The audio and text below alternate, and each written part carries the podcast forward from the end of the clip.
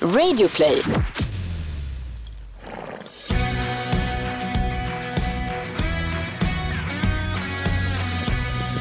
Det är dags för ett nytt avsnitt av Ridklubben. Jag heter Gry Forssell. Och jag heter Rebecka Lagin. Och jag vill säga till dig som lyssnar på den här podden, om du är nytillkommen Ridklubben-kompis, du kan med fördel gå och lyssna på gamla avsnitt som vi har gjort. Vi gjorde ju tio avsnitt här under våren.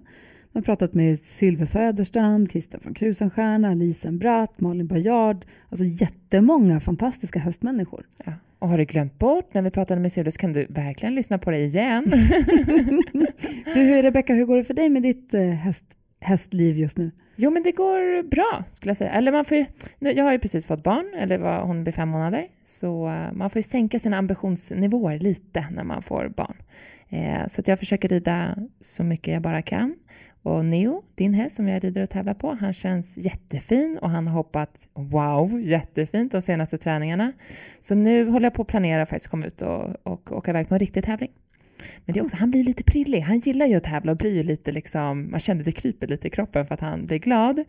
Så jag ska försöka hitta någon bra inomhustävling där det är lite, ja, men lite lugnare, tänker Ja. jag, så att första tävlingen inte blir så, eh, så pampig. Du behöver inte börja med Skandinavien. Nej, jag tänker att jag väntar lite med, med Skandinavien.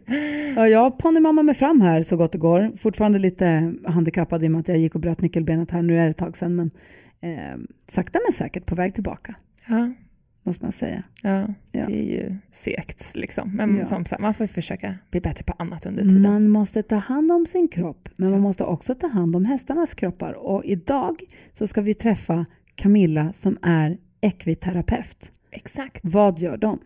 Ja du, det var en himla bra fråga. Camilla har vi haft i stallet ett tag. Så när hon kommer till mitt stall då tittar hon på hästarna när de rör sig i alla fall. Hon känner på dem, hon kan stoppa nålar och laser och hon tar hand om dem. För jag åker inte till henne om jag känner att jag har en halt häst. Men hon kollar igenom dem ibland och då kan hon säga men han har sträckt sig lite där höger bak. Han kanske rullar fast i boxen eller Men hon, kan har man gått få en, lite sån hjälp av henne? hon har gått en tvåårig utbildning. Vi ska prata med henne om vad hon har för utbildning. Ja. Så att det är inte bara att hon ger hästmassage, utan Nej. hon som du säger har ju både laser och akupunktur och allt sånt där också. Precis, så jobbar hon ju på Mälarkliniken en eller två dagar i veckan och där är hon ju mycket tillsammans med veterinärerna. Typ som Axel som vi hade och kollade ner och sena. Och det är fantastiskt att det finns sådana som hon, men man, det finns ju mycket man kan göra själv också. Jag tänker på det, vi har ju fått Höx som Ja. sponsor till podden. Hej Höx! Hej, vi, hej. vi är jätteglada över att ni är med här. Verkligen. Om du som lyssnar nu är nyfiken på vad de har för... Det finns ju alltså 35 butiker runt om i hela landet. Men om det inte finns någon butik nära där man bor så kan man gå in på hemsidan högs.se och handla där.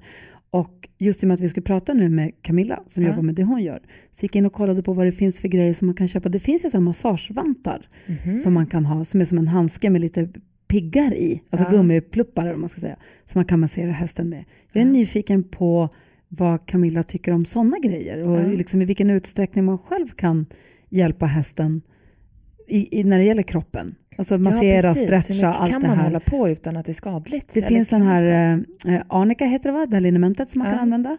Det finns också på Högs man kan köpa. Ja. Är det någonting att rekommendera? Mm. Det ska jag vilja ha.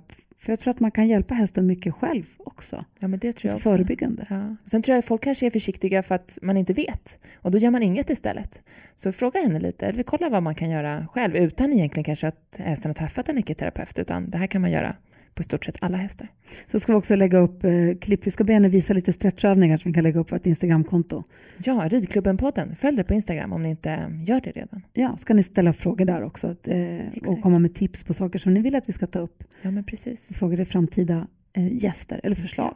Och sen har vi också kvar Scanbio som eh, sponsor till den här podden. Yay! Och de gör ju då spånpellets Ja. från svenska skogar. Alltså det är som träflisor som man eh, blöter upp så det blir poff! och så blir det så här ljust och härligt. Och det är ju då helt eh, naturligt utan några tillsatser i deras eh, produkter.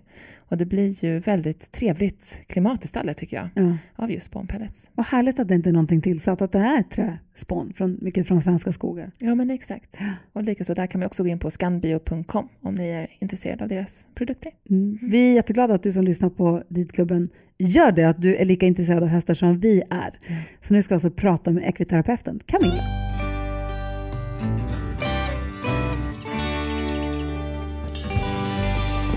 Camilla, om man är ekiterapeut, vad gör man då? Vad, när du går till jobbet, vad gör du då? Då så behandlar jag hästar på väldigt många olika sätt.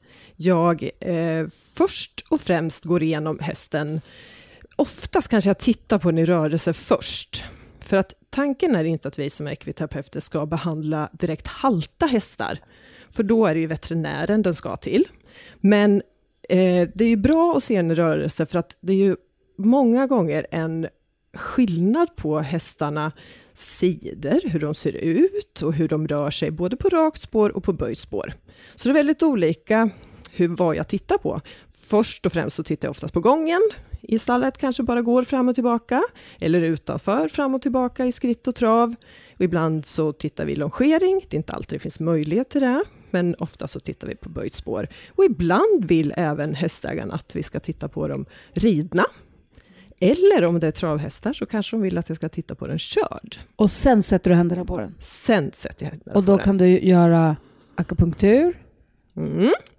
Massage, eh, mycket stretch, man testar rörligheten på häst, man använder laser och jag använder eh, även någonting som heter stötvåg, shockwave. Så vad jag börjar med så är det att jag känner igenom hela hästen muskulärt kan man säga, skannar över den. Först och främst kanske jag gör mig lite kompis med den, pratar lite med den och säger hej och går runt och tittar lite på den, hur den står och så sen känner jag igenom den muskulärt, hela hästen. Sen testar jag rörligheten. Och oftast då, om inte hästen är väldigt rädd uppe vid öronen och så, så brukar jag börja faktiskt framifrån. Eh, börja känna lite grann upp över käkar, ner mot tuggmuskler. Kan gärna kolla hur den rör käkarna genom att sätta in ett finger i munnen, kolla rörligheten. Som att du ska tränsa och stoppa in ett bett ja, typ, så du får börja precis. tugga och gapa lite. Ja, liksom. för att Ja. se att den kan flytta underkäken till höger och till vänster. Ah. Och sen så börjar jag som jag sa uppifrån. Det är första kotan, börja känna igenom uppe nacken. Hur den kan röra nacken åt alla möjliga olika håll. Den kan göra väldigt mycket mer än vad vi tror ibland när vi bara sitter på. Och sen hela halskotpelaren, känner igenom den, om det är någon skillnad på sidorna. Om den har svårare åt något håll, eller om det är någon specifik kota som känns lite extra stum, låst, lite stel på något ställe i halsen. Och eh, känner runt, om det är några särskilda spänningar runt någon av halskotorna, då går man in där och känner lite mer från bägge håll och kollar hur den kan röra på hals och nacke åt sidorna, uppåt och neråt och gör en allmän rörelsetest. Och sen så känner man igenom hela ryggen, känner eh, väldigt noga i sadeläget, eh, framförallt på ridhästarna. Och Är det ofta det är fel i sadeläget? Ganska ofta. Ja. Är det Och fel s- på sadel eller ryttare? eller varför det? Ja, det, måste, det är ju faktiskt både och. Ja. Det är det ju. Ja. Men varför är det ofta fel? Ja, alltså det är ju så här att det är väl inte alla som har kanske den perfekta tillpassade sadeln. Eh, och sen är det ju så att hästarna ändrar sig ju, så vi måste ju även kolla sadlarna ganska så ofta. Och sen kan jag tänka mig också att vi, jag är ju högerhänt, så jag kan tänka mig att vi är ju inte heller supersymmetriska på hästryggen. Alltså jag kan tänka mig att vi, det skulle jag också vilja att vi gör någon gång i framtiden, åker till någon sitsanalys för att se, för då kan man ju se hur mycket man sitter på vardera sittben. Absolut, så är det ju. Om, ibland kan det ju faktiskt vara så om jag har flera hästar från en och samma ryttare, så är kan samma. man kanske lite, lite tänka att ja, Typ Malin Baryard, jag vet att du tittar på Malin Baryards hästar. Snälla säg att hon har någon liten. om vi säger Det är inte bara jag. Ja, förlåt alltså, men det kanske inte är där det riktigt är så Hon är mycket så problem. också kan jag tänka mig. Nej, faktum är att det, det går ju inte att komma ifrån, men att det är väldigt roligt. Ja. Nu ska jag inte säga att en del rider mycket bättre och sämre och så, men, men har kanske mer erfarenhet. Ja. Och då är det ju faktiskt roligt att se vad en duktig ryttare kan göra med en häst som inte är speciellt rak från början.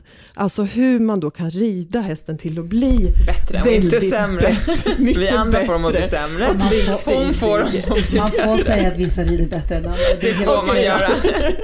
Har man varit i världstoppen var sedan man var tio år, typ, då, får, då är det okej. Lite taskigt från Malin Baryard till, ja, jo, Till ja. mig. Det är okej.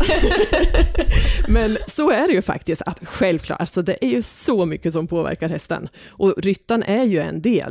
Eh, det är nog ganska så ofta när jag är ute och jobbar som jag kanske jobbar lite i onödan med en specifik häst, bara för att det är på grund av ryttan.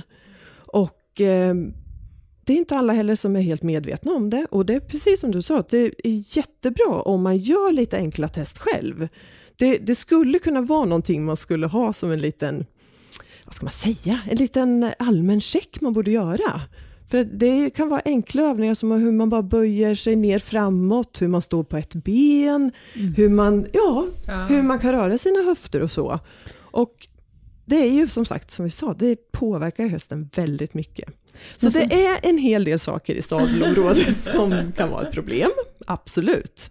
Men för jag tänker på det du sa, att du, när man har en halt häst eller har problem med hästen, då går man till veterinär. Så du är ju inte veterinär. Nej, jag är men har ändå full koll på hästens anatomi och vad har du för, ut, hur, hur, vad har du för utbildning? Ja, jag har gått en tvåårig utbildning. Det var KY nu, kvalificerad yrkesutbildning, 80 poäng, i eh, Katrineholm. Eh, den har funnits ja, kanske 25 år kan jag tänka mig. En eh, legitimerad naprapat, Helmut Schanke, som startade den. Och det var alltså heltidsstudier, så två år på plats. Vi var där från halv nio till, ja vad det nu var, fyra varje dag, förutom när vi hade praktik. Och då var det ju så att första terminen så läste vi alltså bara anatomi. Och där måste jag säga att jag har glömt en del av det. Alltså det var ju väldigt, väldigt ingående. Så är det ju. Det är ju som, jag kan inte jämföra utbildningar eftersom jag bara har gått den här, men lite som att tänka sig att man läser som till fysioterapeut, sjukgymnast på humansidan. Att det är ju så, man får läsa från grunden. Ja, det är ju liksom muskler och det är skelett och det är leder mm, och det är ligament och det är ju liksom Så det är lite skillnad mot på massageinstitut som har så här, här kan du bli hundmassör. Det är inte riktigt samma sak, det här är något annat. Nej, det är ju lite ja. annat. För att vad vi läser då, då är det ju för det första väldigt mycket anatomi eh, och sen är det ju behandlingsformer då som, som vi sa, att med laser som man kan jobba med alla, alla möjliga olika elektro och elmedicin ja, behandlingar. Eh, mycket stretch, mycket massage, akupunktur och sen som jag har gjort då, har jag lagt på den här stötvågsbehandlingen ja, och jag har gått kurser på det också. Vad är shockwave? Shockwave då, det är ju alltså en maskin som eh, används väldigt mycket på humansidan eh, även, ja, givetvis på hästsidan och hundar och ja, jag vet inte om det är mer djurslag kanske. Jag tror inte katter får det, men i alla fall på häst och hund. Eh, och det är en kompressor i den här maskinen som gör så att det med en handenhet så är det en kolv i den handenheten eh, som slår liksom på strukturen det, alltså det här kan man ju förklara väldigt länge, men det är alltså att med lite yttre mekanisk påverkan så får man ju till en läkningsprocess igen på strukturen. Mm. Eh, används det ju väldigt mycket på senskador, gaffelband, spända ryggmuskler. På humansidan är det ju väldigt, väldigt många olika problem det används på. ont som satan va? Eh, om du har en hälsporre eller ja. en tennisarmbåge eller något sånt där så gör det ju väldigt ont. Jag har själv haft hälsporre och fått den behandlingen. Eh, och det gör ganska ont. Men det är effektivt? Eller? Det är väldigt effektivt. Ja, min svärmor är i stallet, hon har det. Hon ja. går runt här i stallet nu med hälsporre. Ja. Har du en med dig kan vi Ge henne en kyss. ja, jag har den i bilen faktiskt. Så att, men vad, den använder jag väldigt mycket i eh, samarbete då med veterinär. Att jag ja. har på remiss när en, en sena är ultraljudad och eh, diagnostiserad av veterinär. Ja. Så kan det ju vara så att man Eh, följer upp den behandlingen. Och sen även som jag sa på spända ryggar och så. Så att eh, den är bra, man får igång eh, elasticitet och får en mycket ökad blodcirkulation och eh, den eh, smärtlindrar. Det är ju karens givetvis på den också, det är lång karens, det är tio dagars karens. Och eh, det är ju Ja, det är ju som det är med alla behandlingsformer. Det är väldigt individuellt. Men för Neo fick ju shockwave på sin sena när han fick sin senskada. Just det. Och han märkte man ju inte att han tyckte det gjorde ont. Man Nej. behövde ju inte droga honom eller liksom... Men det kanske alltså, olika jag har från... väldigt många hästar som tycker att det är skönt. Ja. Och särskilt när de, kanske inte första gången, för då kan de vara lite rädda för ljudet. För, för det, låter, ganska högt. så mycket. Exakt. Eh, men sen efter ett tag när de har lärt sig det, där, kanske ja. andra gången eller tredje gången, för jag har ju de jag träffar ganska så ofta som, som får shockwave. Ja. Ehm, och då är det så att de liksom trycker sig mot den och de står och gäspar och de tycker att det är allmänt väldigt, väldigt skönt. Ja. Sen om det var den som hjälpte, det vet du inte, men det har ju funkat jättebra för Ja, oss. verkligen. Ja, och det såg man ju. För att först då när, vi, när jag fick sin senskada så skrittade jag lite så här i tre månader, men det hände det var liksom aldrig bättre. Det började aldrig läka, utan det var väldigt svart i det här området då, där han hade fått det här såret. Och då började vi med Shockwave, och då efter det så började det läka. Så ja, det borde ändå, det drog igång någonting i alla fall. Veckans powerdeal hos Swedol. Jalas! Rätt sko för rätt jobb. Alla fötter är olika och alla jobb kräver olika skydd. Jalas har skyddsskorna för dig och ditt jobb. Så den här veckan, välj skyddsskor från Jalas hos Swedol. För säkerhets skull! För säkerhets skull. Nej. Dåliga vibrationer är att gå utan byxor till jobbet. Bra vibrationer är när du inser att mobilen är i bröstfickan. Alla abonnemang för 20 kronor i månaden i fyra månader. Vimla! Mobiloperatören med bra vibrationer.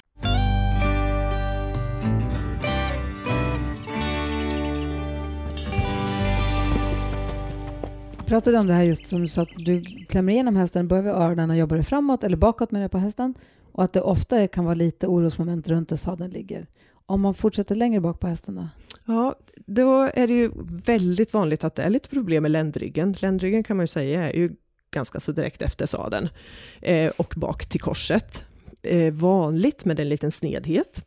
Som jag sa, även i halsen så är det ju ofta vanligt med en liten snedhet, att de är lite stelare åt ett håll. Och så är det ju ofta bak också, att de kanske har en lite lägre sida och då är den andra högre då.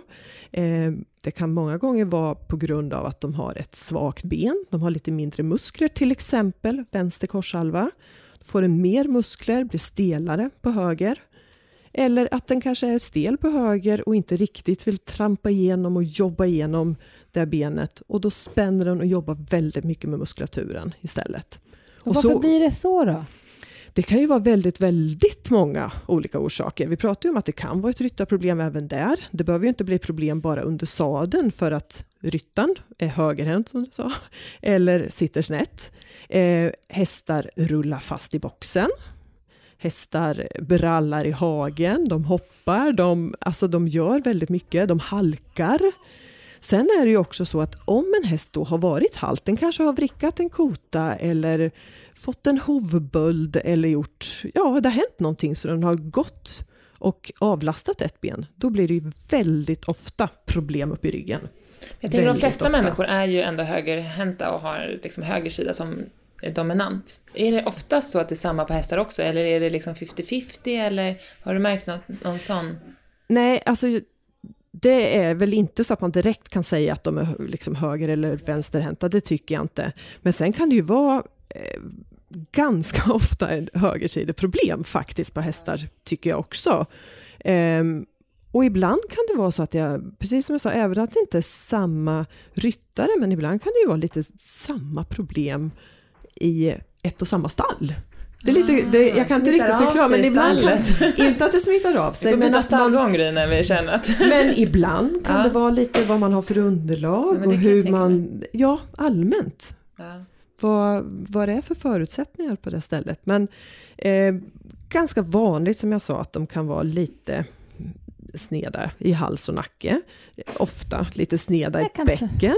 Ja, jag kan tänka mig också man tar efter varandras ridstil. Jag kommer ihåg på ridskolan, jag var för länge sedan, kom det en ny ridlärare, ridskolechef eller ridlärare som var väldigt dominant och som tog över, liksom, som var den alla skulle rida för. Och hon red på ett speciellt sätt. Och det tog ju inte många månader så satt ju alla och red exakt som hon. Så man tar väl Nej, efter det, varandras ja. ridstil också. Alltså, man gör ju lätt det. Absolut. Och för en, ja, en och samma tränare som sagt, att man får lite samma övningar. Och eh, det, vad ska man säga, det, det är ganska vanligt med ländryggsproblem tycker jag. Rent generellt så. Det är det faktiskt. Och det, det är det ju på oss människor med. Det är ganska så lätt att man spänner upp. Vad ska vi göra åt det då? Ja, jag tror att vi kommer få leva med det, men vi får göra det bästa av det. Ja. Och det är ju faktiskt så att det, många gånger när jag är ute och jobbar, och man säger man har kommit fram till vad problemet är för just den, liksom den respektive individen, då är det ju så att det är ganska så bra att det är inte bara vad jag gör när jag är där. För jag, som sagt, när jag har hittat ett problem så försöker jag att, ja, göra vad jag kan åt det problemet. Vid en stel ländrygg så masserar jag och kanske använder nålar, lite laser, försöker korrigera det stället om det behövs i bäcken eller halsrygg eller något. Men sen gäller det ju att tänka till, varför kom det? Varför Ja, har hästen ett Det är jag problem som där? hästägare som måste ändå underhålla det där och försöka få det bättre. Och, och om det bara har hänt en gång, ja, det, kan ju, det finns ju hundra olika anledningar till. Men om det liksom är ett och samma återkommande problem på just den individen, då måste man ju kanske tänka till. Vad, vad ska vi ändra på? Vad ska vi göra? Va, varför har det här blivit? Och sen är det ju också som jag sa, att det är ju inte bara där när jag är där och gör vad jag kan göra. Hästägarna många gånger tror ju inte att de kan göra så mycket. Men är det inte för att man är lite osäker Ja, och lite rädd det. för att göra fel, tror jag. Jag är ju ute och föreläser lite ibland och då, det är nästan något av det viktigaste tycker jag att, att liksom få fram. Att man ska våga göra mer med sin egen häst. Och om man börjar med att titta lite på sin egen häst. Många gånger när jag är ute och man hittar en väldig snedhet som man ser för ögat så har ju kanske inte hästägaren eller den som rider sett det. Så jag tror att man ibland är så, man hämtar kanske hästen i hagen eller i boxen, man är väldigt nära. Man ställer sig och borstar, man är nära, man sadlar, man sitter på, man lägger på täcket, man tar in den. Ungefär den. Det är inte så ofta man tittar på sin häst från håll. Nej. Eller tittar hur den går, tittar Den står liksom, i hagen. ja, vad den Alltså, gör. Men då har den oftast täcke på sig, Ja, då är det svårt ja, att se. Liksom. Så Ja, det är exakt. någonting man gärna skulle kunna gå ihop och göra i stallet. Titta på varandras hästar, gå med den i gången. Kliv bort ifrån den när den står stilla. Titta hur den, hur den är musklad. Hur Är den ojämnt musklad i halsmusklerna? Hur, hur ser den ut i, vid manken, sadeläget, ländrygg, kors?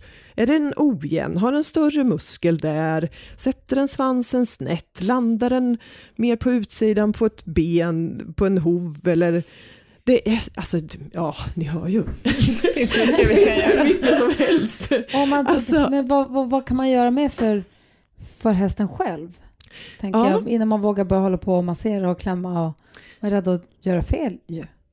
Ja, men det är inte så lätt Hur mycket fel kan man Det- göra det är- på en man häst kan, Om man egentligen? tittar på vad en häst gör i hagen, hur den hoppar och far och hur vig den är. Det är Ja. också givetvis individuellt hur vig en häst är.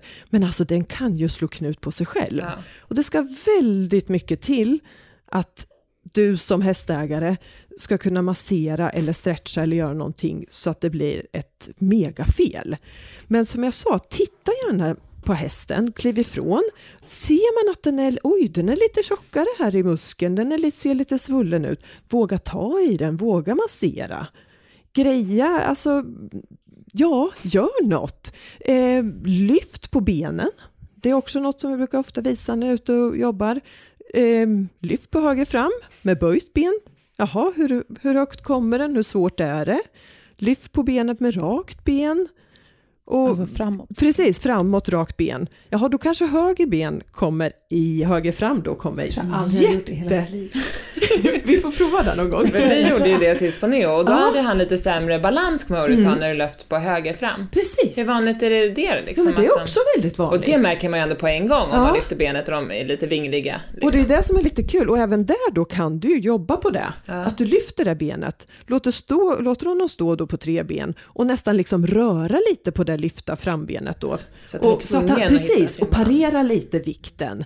Så en sån sak, de enkla så här små stretchövningar, jag ger ju ganska så mycket stretchövningar till ja, med respektive häst om den är väldigt stel i halsen, att man får ta i dem och vända runt, man kan göra de här morotstretchen, att Exakt. man håller en morot. Och var ska jag hålla moroten?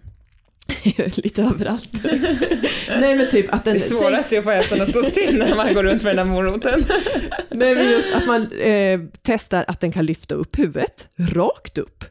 Att du står framför den Precis, liksom. stå framför och få Ja. hästen att lyfta huvudet rakt upp. Att den kanske kan ta huvudet lite snett uppåt åt bägge håll och så lite kort åt sidan. Inte bara den här långa, långa ända längst bak till rumpan. Det är en jättebra test. Utan lite mer vid Jättebra. bogen. Typ, ja, precis. Ja. Och kunna se att, jaha, men titta, här åt höger, då dippar vänster öra och så viker den näsan, men åt andra hållet så kan den ta den helt rak. Det är ganska roligt faktiskt när man börjar göra lite sådana saker. Man kan nog göra mycket Man och kan hitta göra mycket så saker själv. mycket Mm. mer själv. Men om jag hämtar in hästen från hagen, förlåt att jag avbröt Mm. nu, jag vill bara kolla. Om jag hämtar in hästen från hagen så vi borstar av, den har inte ridits ingenting. Och så börjar jag hålla på med någon morot borta vid virven och den ska böja sig och hämta och börja stretcha fram benen framåt. Är inte risk att den står där ouppvärmd och alltså kan man inte skada den?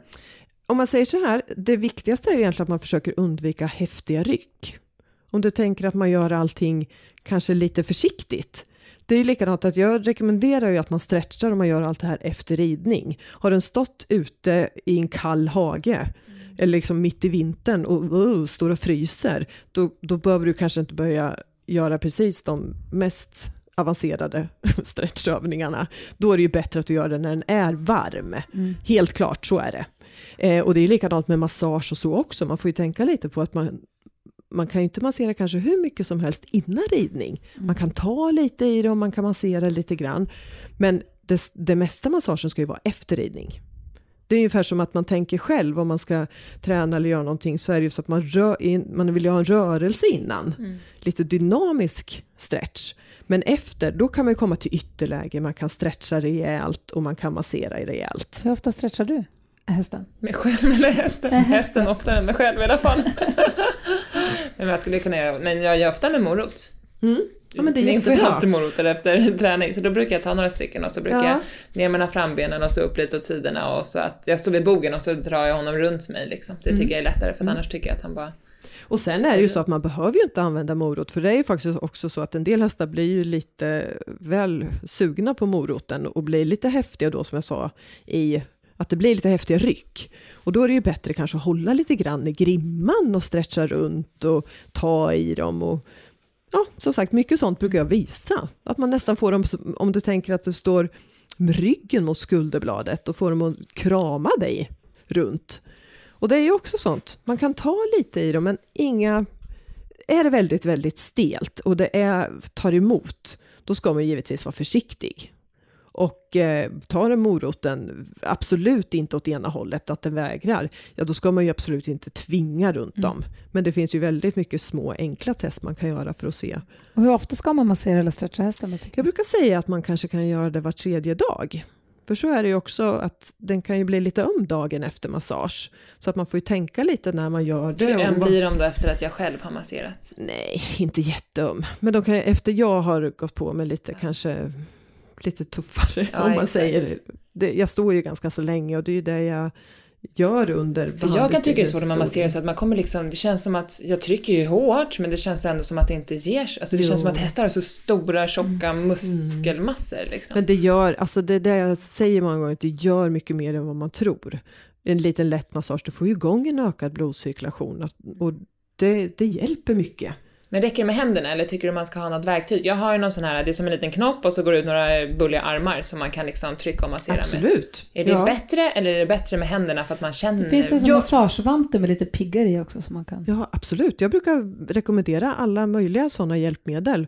För att jag menar, jag står ju hela dagarna och håller på med det här. Så att jag kanske inte riktigt förstår hur jobbigt det kan vara om man aldrig gör det. Och en liten tjej till exempel som kanske inte har samma styrka i fingrarna som en annan. Ehm, Så det är jättebra, alla möjliga olika hjälpmedel. Jag brukar ibland rekommendera kanske köpa en sån elektrisk massageapparat som finns till människor på de flesta större kedjorna. Då är det två bollar Ja, ut. precis. Ja. Eller en eller något och det är Ja. jättebra. Och då Nej, brukar jag lång också... och smal och ser ut som en gurka lite mer. Inte lika effektiv men Så lägger man den på bara. under täcket, den ligger där och vibrerar lite. Ja. Men nej, och det är ju det är också så, då brukar jag ju visa lite när vi pratar om det, att man inte lägger på skelett direkt, utan då är det ju på musklerna man lägger det. Man Ja, lägger ju inte liksom mitt på ryggraden eller jag brukar också rekommendera att man inte använder det mitt på halskotpelan utan på musklerna helt enkelt. Ja, precis. Så att eh, det, det är jättebra med alla mögliga sådana olika. Så här spiktecken och magnettäcken och sånt där Mm. som det finns. Alltså det finns ju så mycket produkter att köpa till hästar. Hur mycket hjälper sådana egentligen? Jo men det, absolut. Det är ju så att alla, alla möjliga olika behandlingsformer hjälper ju och det är ju individuellt. En del svarar väldigt bra på laser, en del kanske inte svarar lika bra på laser, en del bättre på lite akupunktur och en del tycker inte stötvågsmaskinen är alls skön. Eh, en del vill inte ha speciellt mycket massage. Då kanske, jag mer jobb, känsla till sin ja, häst, liksom. då kanske jag jobbar mer bara på rörligheten än någon som ja, står och inte alls är bekväm med massagen. Då, då får man ju kanske lite akupressur eller liksom Men för jobba min förra rörligt. häst, jag har ju så här spiktäcke, och min förra häst när jag la på, alltså han var ju helt sjöblöt efter en kvart. Alltså hela hästen var helt varm och det kändes som att han var så mjuk och det kändes som att han gillade det och att det verkligen funkade. Neo, det är det värsta han vet. alltså lägga på det där spiktäcket, att haha, han bara vill krypa ur det där på en gång. Men han är ganska så känslig i huden har tror lite känsligt skinn. han är lite känslig skinn. Så om jag lägger ett flisstreck emellan, då går det bra. Men då känner jag också så här, vet jag inte hur mycket det där hjälper liksom. Men det kanske är så individuellt. Det är väldigt individuellt. Och någonting jag också brukar rekommendera är vetekudde. Ja, för det har jag. har en värmefilt också. Ja, men Den det tycker också. jag är toppen. Men just en vetekudde det är ganska enkelt om man Ja, har en, en mikro i stallet. Ja. Och då brukar jag säga att man lägger den först under sadeln. Så du liksom värmer upp sadelläget, så lägger du på sadeln och sen kan du lägga en bak ländrygg kors. Mm. Och det är, ju, det är ju ett väldigt billigt alternativ Verkligen. och eh, värmer ju på riktigt bra. Man får kolla så att det inte blir för Nej, varmt. Som man gör själv när man Ja, för det kan ju vara lite ska- väl. Men som sagt, det är så individuellt vad de olika individerna gillar.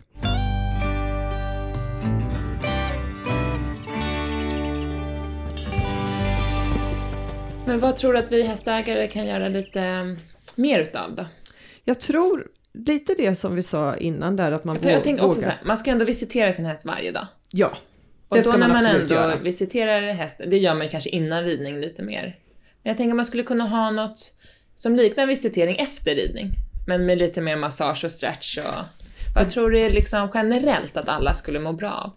Generellt så tror jag ju att alla mår bra av precis det här som vi sa, att man testar lite grann och, och ser var, var den är lite stel. Om man nog inte haft någon terapeut eller någon som har sagt lite vad du ska jobba på så kan man i alla fall våga att lyfta på benen. Och då när man hittar kanske att oh, den här verkar väldigt stel i höger bog, då är det väl jättebra om man håller på och stretchar höger bog och masserar lite runt den och ja, men jobba på det. Och då Sen- lyfter man frambenet liksom framåt, uppåt. Ja, först och kanske man börjar på mot Ja, armbågen typ. och börja på lite böjt ben. Det brukar nästan vara det lättaste. Om man står mitt framför hästen så håller man ju under knät.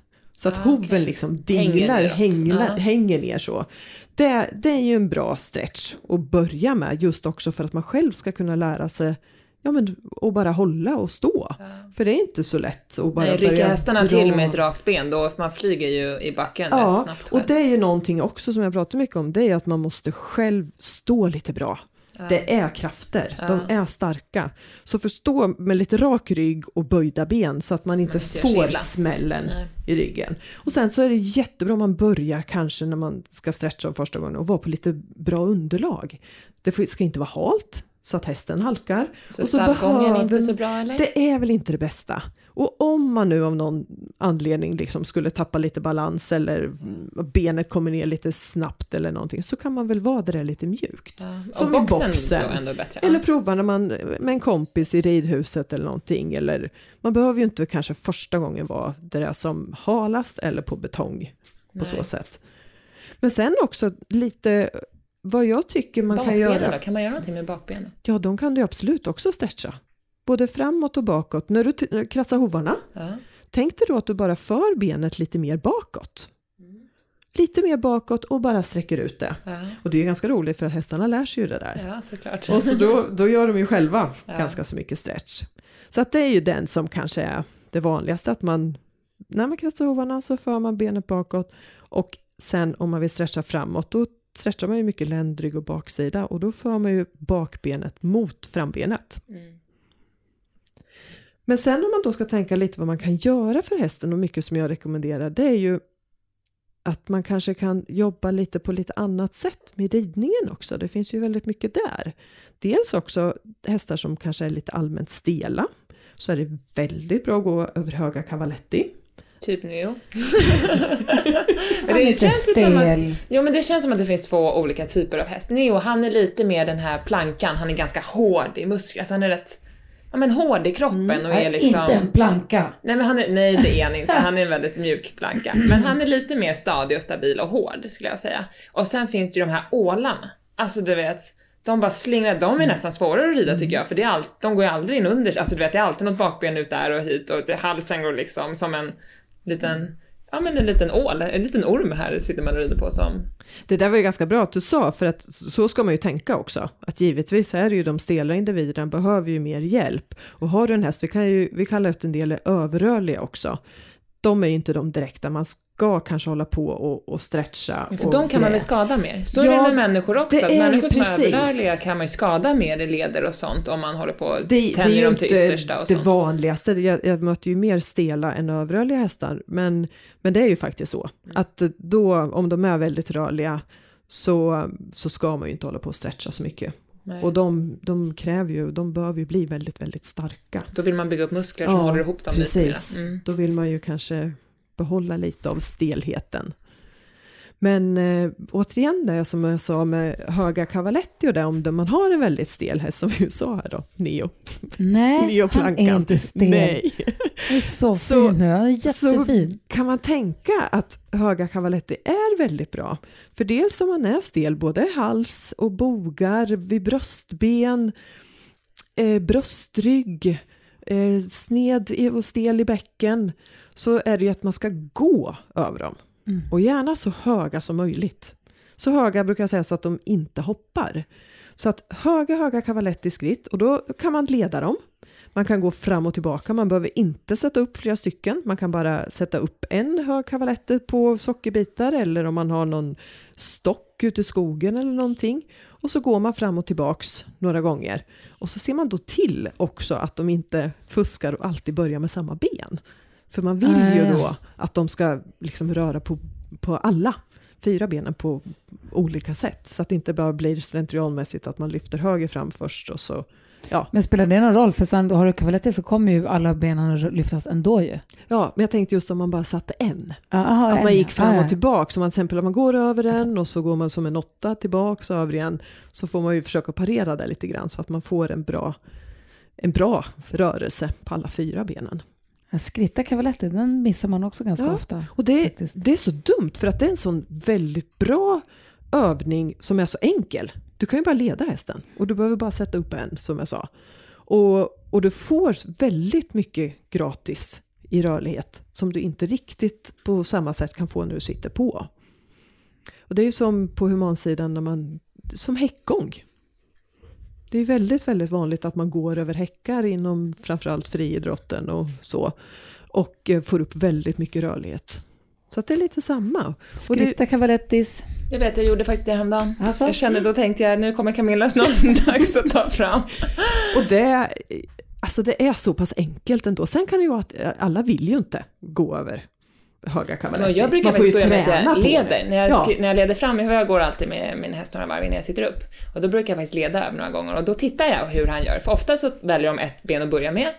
Mm. Och sen kanske ett ben som man ser att de vill gärna gå, gå lite ner går gärna ut till höger till exempel. Mm. Så man kan redan där, som du säger, med att titta på din häst så kan man ju se lite hur de... Absolut, och då kan du ju lägga en sned också. Ja. Att du, om det är ena sidan den inte vill, om vi säger att den inte vill lyfta lika mycket på höger bak till exempel, lägg den lite högre sidan på höger då. Ja, jag brukar köra varannan sockerbit, att det blir varannan höger-vänster. Liksom Mm. Det är så, så att det jättebra. zigzag.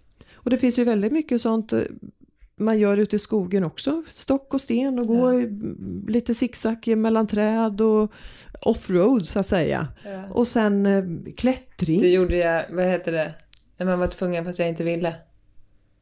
Jag var ute och red häromdagen och det blåste och det var någon som tränade sin hund i skogen och i hag. Alltså Neo var så prillig, han var, tyckte det var toppen, inte jag. Så då gick jag, jag bara nu går jag in i skogen för där känns som att där måste han ändå fokusera, du vet, lyfta på fötterna och man kan styra in runt träd och sådär.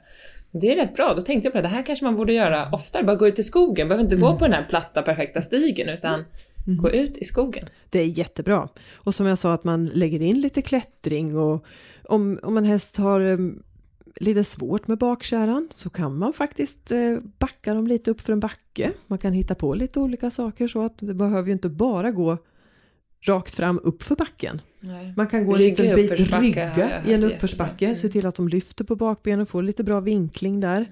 Det finns ju väldigt mycket saker man kan hitta på. Och vad jag ibland kan tycka är tråkigt när jag är ute och jobbar, som man märker när man diskuterar, det är att man kan ha lite dålig planering. Att man väl, blir väldigt så att man gör samma, samma och att man ibland inte planerar sin vecka. Och det tycker jag är tråkigt. Att man kanske inte tänker på att man behöver alla delar. Man behöver ju ha en lösgjord häst, man behöver ha en häst med en bra kondition Mm. och man behöver ju... Ha en glad häst Ja, också. precis. Och, och ha en variation och ha en planering. Det är tråkigt om man hoppar upp på hästryggen och man vet inte om man ska rida inne eller ute eller om man ska hoppa eller dressyr. Och, och verkligen ja, planera veckan. Och sen också inte vara för rädd för att ge dem vilodagar. Att man har sina kvalitetspass ibland, att man har kanske tränat hårt eller man har tävlat eller man har gjort något och våga då häst, låta hästen vara ledig. För det är ju så att man behöver ju återhämta sig och i återhämtningen så sätter man ju muskler och kanske behöver pausa hjärnan ibland också. Så det, det är väl någonting jag ofta pratar om, att man ska planera sin vecka, lite vad man ska göra, i alla fall när man ska ställa krav på hästen. Ibland så har vi ju lite orimliga krav på hästen Ja, emot vad vi har tränat för. Exakt. De ska orka men vi har inte tränat kondition. Nej. Och de ska Nej vara... precis, så känns det som många kanske rider hemma och det är lite så här halvdant och lite som man själv känner att man orkar just för dagen. Mm. Men sen ska de kunna gå den här 1.30 klassen, gärna två eller tre dagar på helgen. Och så undrar man varför inte. Och sen säger inte jag så att man måste göra allting det här. Det är ju precis som jag sa, det beror på vad man har för krav. Du kanske vill ha din häst och bara rida två dagar i veckan ute i skogen och inte vill ha den lösgjord eller göra någonting. Ja men det är väl också fine. Men att man tänker att man gärna kanske har något litet mål och planerar fram till det. Det är ju jättekul. Så veckans stalltips, är det Skritta Cavaletti? Ja, det tror jag. Ja. Eller hur? Vi brukar ha så här att varje person har ett stalltips. Eh, vi hade till exempel en Nina Rademakers, hon tyckte man skulle putsa hovarna med diskborste. Vilket den är faktiskt jättebra. Leran försvinner. Karl Hedin rättade för det. Peder hade att man skulle longera dem i repgrimma. Men viktigt att det var en rörlig ring. Och ditt tips är då kanske skritta och leda över upphöjda kavalett. Eller har du något, har något annat stalltips? Nej, men jag tycker att det är jättebra. Och sen just det här som vi sa, att man ska våga titta på sin häst och våga ta lite i den. Och ja, ha en plan. Vad man vill få ut av den och, och verkligen ja, ha kul med hästen.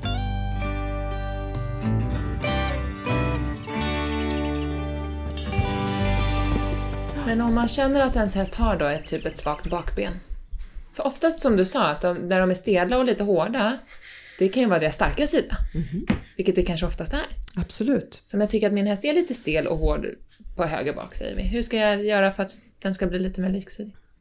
Ja, som sagt, det var ju som vi sa lite där, man måste ju försöka gå lite till botten med vad man tror problemet kan vara. För det första är det ju så att man får tänka om den kanske är halt, då är det ju att börja hos en veterinär. Ja. Och sen så kanske vi blir... Men om man har varit hos veterinär Man har varit hos veterinär. Är Mm. liksom, inte... Då får man ju, precis, gärna då ha en liten dialog också med sin tränare hur vi ska komma åt det här problemet för att till exempel då, om vi kallar det att väcka lite vänster bak om det är det den slarvar lite med. Att man försöker hitta lite övningar som får den att börja jobba med det benet. Sen är det ju så att är det väldigt eh, stor skillnad så finns det ju faktiskt så att man kan lägga någon liten vikt en stund. Man kan lägga någon liten bots på den för att få den att bara liksom känna att det finns någonting på det svaga bakbenet och börja liksom lyfta det lite mer. Ehm, sen kan det ju finnas en del andra hjälpmedel man kan ta till också.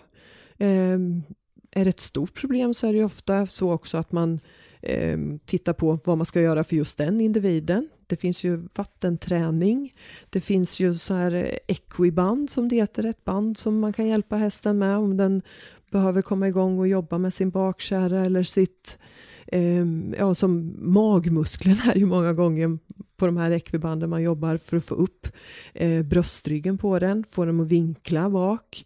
Så att man får, ju, man får titta lite på de bitarna också. Sen kan det ju i vissa, vissa fall, allting det här är ju väldigt individuellt, men om det är av någon specifik orsak så kan det ju ibland vara så att man till och med lägger en sula ibland på ett lågt, en låg sida, ett lågt ben. Ehm, så det finns ju väldigt mycket sånt man kan göra också. Om det nu ehm, är ett stort problem som har kanske varit under ett tag som inte man riktigt kommer åt. Sen tyvärr är det ju faktiskt så att eh, vissa svagheter får man ju bara försöka hålla efter och acceptera. Det kan ju finnas någonting bakomliggande som gör att det här benet kommer kanske inte att börja jobba riktigt lika mycket som det andra. Nej, Men det funkar bra ändå. Det kan väl vara defekt eller snett eller att den har, kan vara stel eller styv på olika sätt utan att, den, att hästen för den skull är halt eller sjuk Mm. eller oridbar. Precis, så är det ju. Eh, till exempel en eh, som haft föl, som blir väldigt sned vid fölningen. Den kan ju ha en synbar snedhet väldigt länge, fast den kanske eh, går att rida rakt och använder sin kropp och den har inte ont, men den ser tråkigt sned ut om man nu får säga så. Men eh, den lider inte av det. Och så är det ju också, den kanske har mycket, mycket, eller mycket mindre muskler på ena bak. Men den, den funkar jättebra, den hoppar rakt över hindren, den eh, gör vad den ska i, i markarbete, men eh, den har ett mycket svagare bakben. Så att man måste ju också tänka på om det är ett stort problem eller inte. Ja, jag får väl bara gå ner och börja dra i frambenen då. Jag också ska lära mig hur man gör. Jag tror att jag tillhör de här som är lite för rädda att man tänker, som vi var inne på, att man tänker att man ska skada hästen på något sätt. Jag skulle aldrig våga ställa mig och slita och dra i dem, utan jag ska vara väldigt, gå väldigt försiktigt fram. Alltså man kanske Du ska vara lite försiktig med att slita och dra. Jag tycker det är synd Börja att folk lite. gör det. Man undrar så här, vet du vad ens vad håller på med? Man ser dem stå och drar i benen på hästarna. Alltså, det tror jag är bra att vara försiktig. Men jag Man- tror också att man kan kanske knåda och ta i lite mer Mm. massagemässigt än vad man tror att... Och framförallt börja titta lite mer och Ja, tänka exakt. lite och planera och Ja, prata med jag varandra om varandras hästar. Det kan också vara väldigt intressant ibland. Ja. Och ibland när man har problem så kan det vara jättebra att sitta upp på någon annans häst. Eller men att be verkligen. någon annan hoppa upp Verkligen. på ens häst. Det Så att, tror jag eh, också. Där försöker jag alltid få min mamma att rida på mina hästar ibland. Just bara för att hon känner ju saker på ett annat sätt och ofta så är det ju att jag är ju säker, har mina svagheter och sned och är högerhänt och hitan och ditan. Och därför tror jag det är jättebra. Därför tror jag också att ridskolehästar håller så bra så länge. För att det är så många olika som rider dem. Absolut, för det, så är det ju ibland. Eh, jag kan ha till exempel syskon som delar häst. Och då kan det vara att den ena har problem i höger galopp och den andra i vänster galopp. Och då förstår man ju att det är ju inte så stort problem Nej. för hästen. Man pratar mycket förut i alla fall om att det är så bra om de byter sig. Att här, nu är hästen lite mjukare i vänster sida och sen så efter en stund så har den bytt så är den lite mjukare i höger sida eller mer lättare att rida höger sida. Och att man sa i alla fall förut att det var bra att de bytte sida. Är det så fortfarande? Absolut, det är väl jättebra. Eh, sen är det väl klart att det kan vara bra ibland när man har ringat in problemet så att säga och att man vet vad man har att jobba med och det bara är den lilla saken, en- bara en liten spänd ländrygg höger sida. Det kan väl vara jättebra om allting annat är bra och det bara är det där. Eh, men annars så tycker jag också att det är jättebra när de kan byta lite sida och lite problem. Och Det kan ju vara precis beroende på vad man har gjort för träning och hur veckan har sett ut. Ja. Man kan väl sammanfatta så i alla fall att eh, det, så som vi jobbar så jobbar vi ju då inte med så kallade halta hästar. Har man ett sånt stort problem med hästen, det behöver inte vara stort för att den åker till veterinären. Det kan ju bara vara en liten allmän koll och det tycker jag att man gärna ska göra. Eh, men då som sagt, en halt häst går till veterinär, i andra fall så är det ju alla möjliga olika problem som vi behandlar. Och olika ofta. Det är också någonting man kan säga. Att eh, vissa hästar träffar jag en gång i månaden och vissa hästar får en julklapp en gång per år eller en gång vartannat år. Och det är alla olika discipliner och alla olika raser. Och är det skillnad på en som är ekviterapeut och någon som är hästmassör? Ja, det är ju ganska så stor skillnad. Det är ju två lite skilda utbildningar. Ehm, och vi jobbar ju då som sagt med lite kiropraktik också, eller kanske inte lite, vi kan, det är ju väldigt individuellt mellan terapeuterna också, hur mycket man jobbar med de olika behandlingsformerna. Men en massör är ju, ja, masserar ju bara. Vi korrigerar ju en hel del också och eh, har en lite annan utbildning. Mm. Och det ena behöver egentligen inte utesluta det andra. Absolut inte. Men man ska veta vem det är man anlitar, Det är det- man, vem det det är som är där och tar hand om hästen. Det är jättebra och så är det inom den här utbildningen som jag har gått då, så har ju vi ett förbund, Svenska Ekviterapeutförbundet. Eh, finns en hemsida, SVEF. Där vet man ju att de som är medlemmar där har gått den utbildningen eller motsvarande. Och det är väl egentligen precis som du säger att det är ganska så bra om man vet vad man, vem man anlitar och vad den har för utbildning och i vilket syfte. Så det tycker jag är väldigt bra. Och vi, vi har ju då tystnadsplikt också och eh, journalplikt. Mhm. Så det kan ju med vara bra att veta att man eh, pratar ju inte runt om problemen på eh, ja, respektive individ till Nej. någon annan. Och sen också att det är karens då på den, de flesta behandlingar. Och det är ju inte bara för att det är en tävlingskarens att det ska vara så, utan det är ju för hästens skull också. Mm. Att den kan ju bli lite trött efter behandlingen. Så att den ska ju få ta det lite lugnt. När du har behandlat en häst, hur länge ska den vila då? Eller hur tycker du att man ska rida den dagarna efter? Det beror lite på, men jag brukar säga att aldrig samma dag eller dagen efter. Och den tredje dagen lite lugnt. Och inte longera, inte, men i Jo, hagen och lite... Gå ut i hagen, absolut.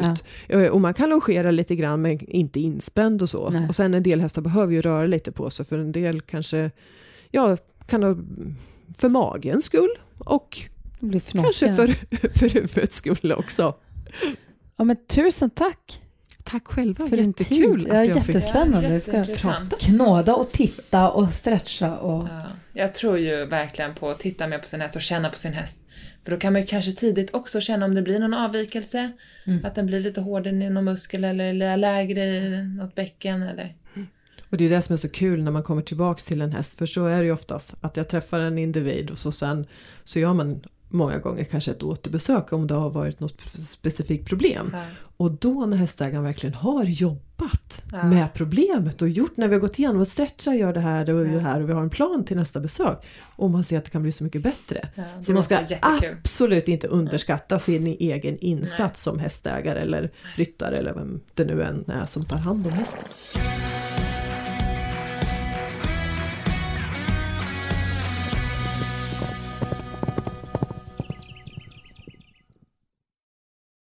Välkommen till Telenor röstbrevlåda. Hej min fina fina mamma.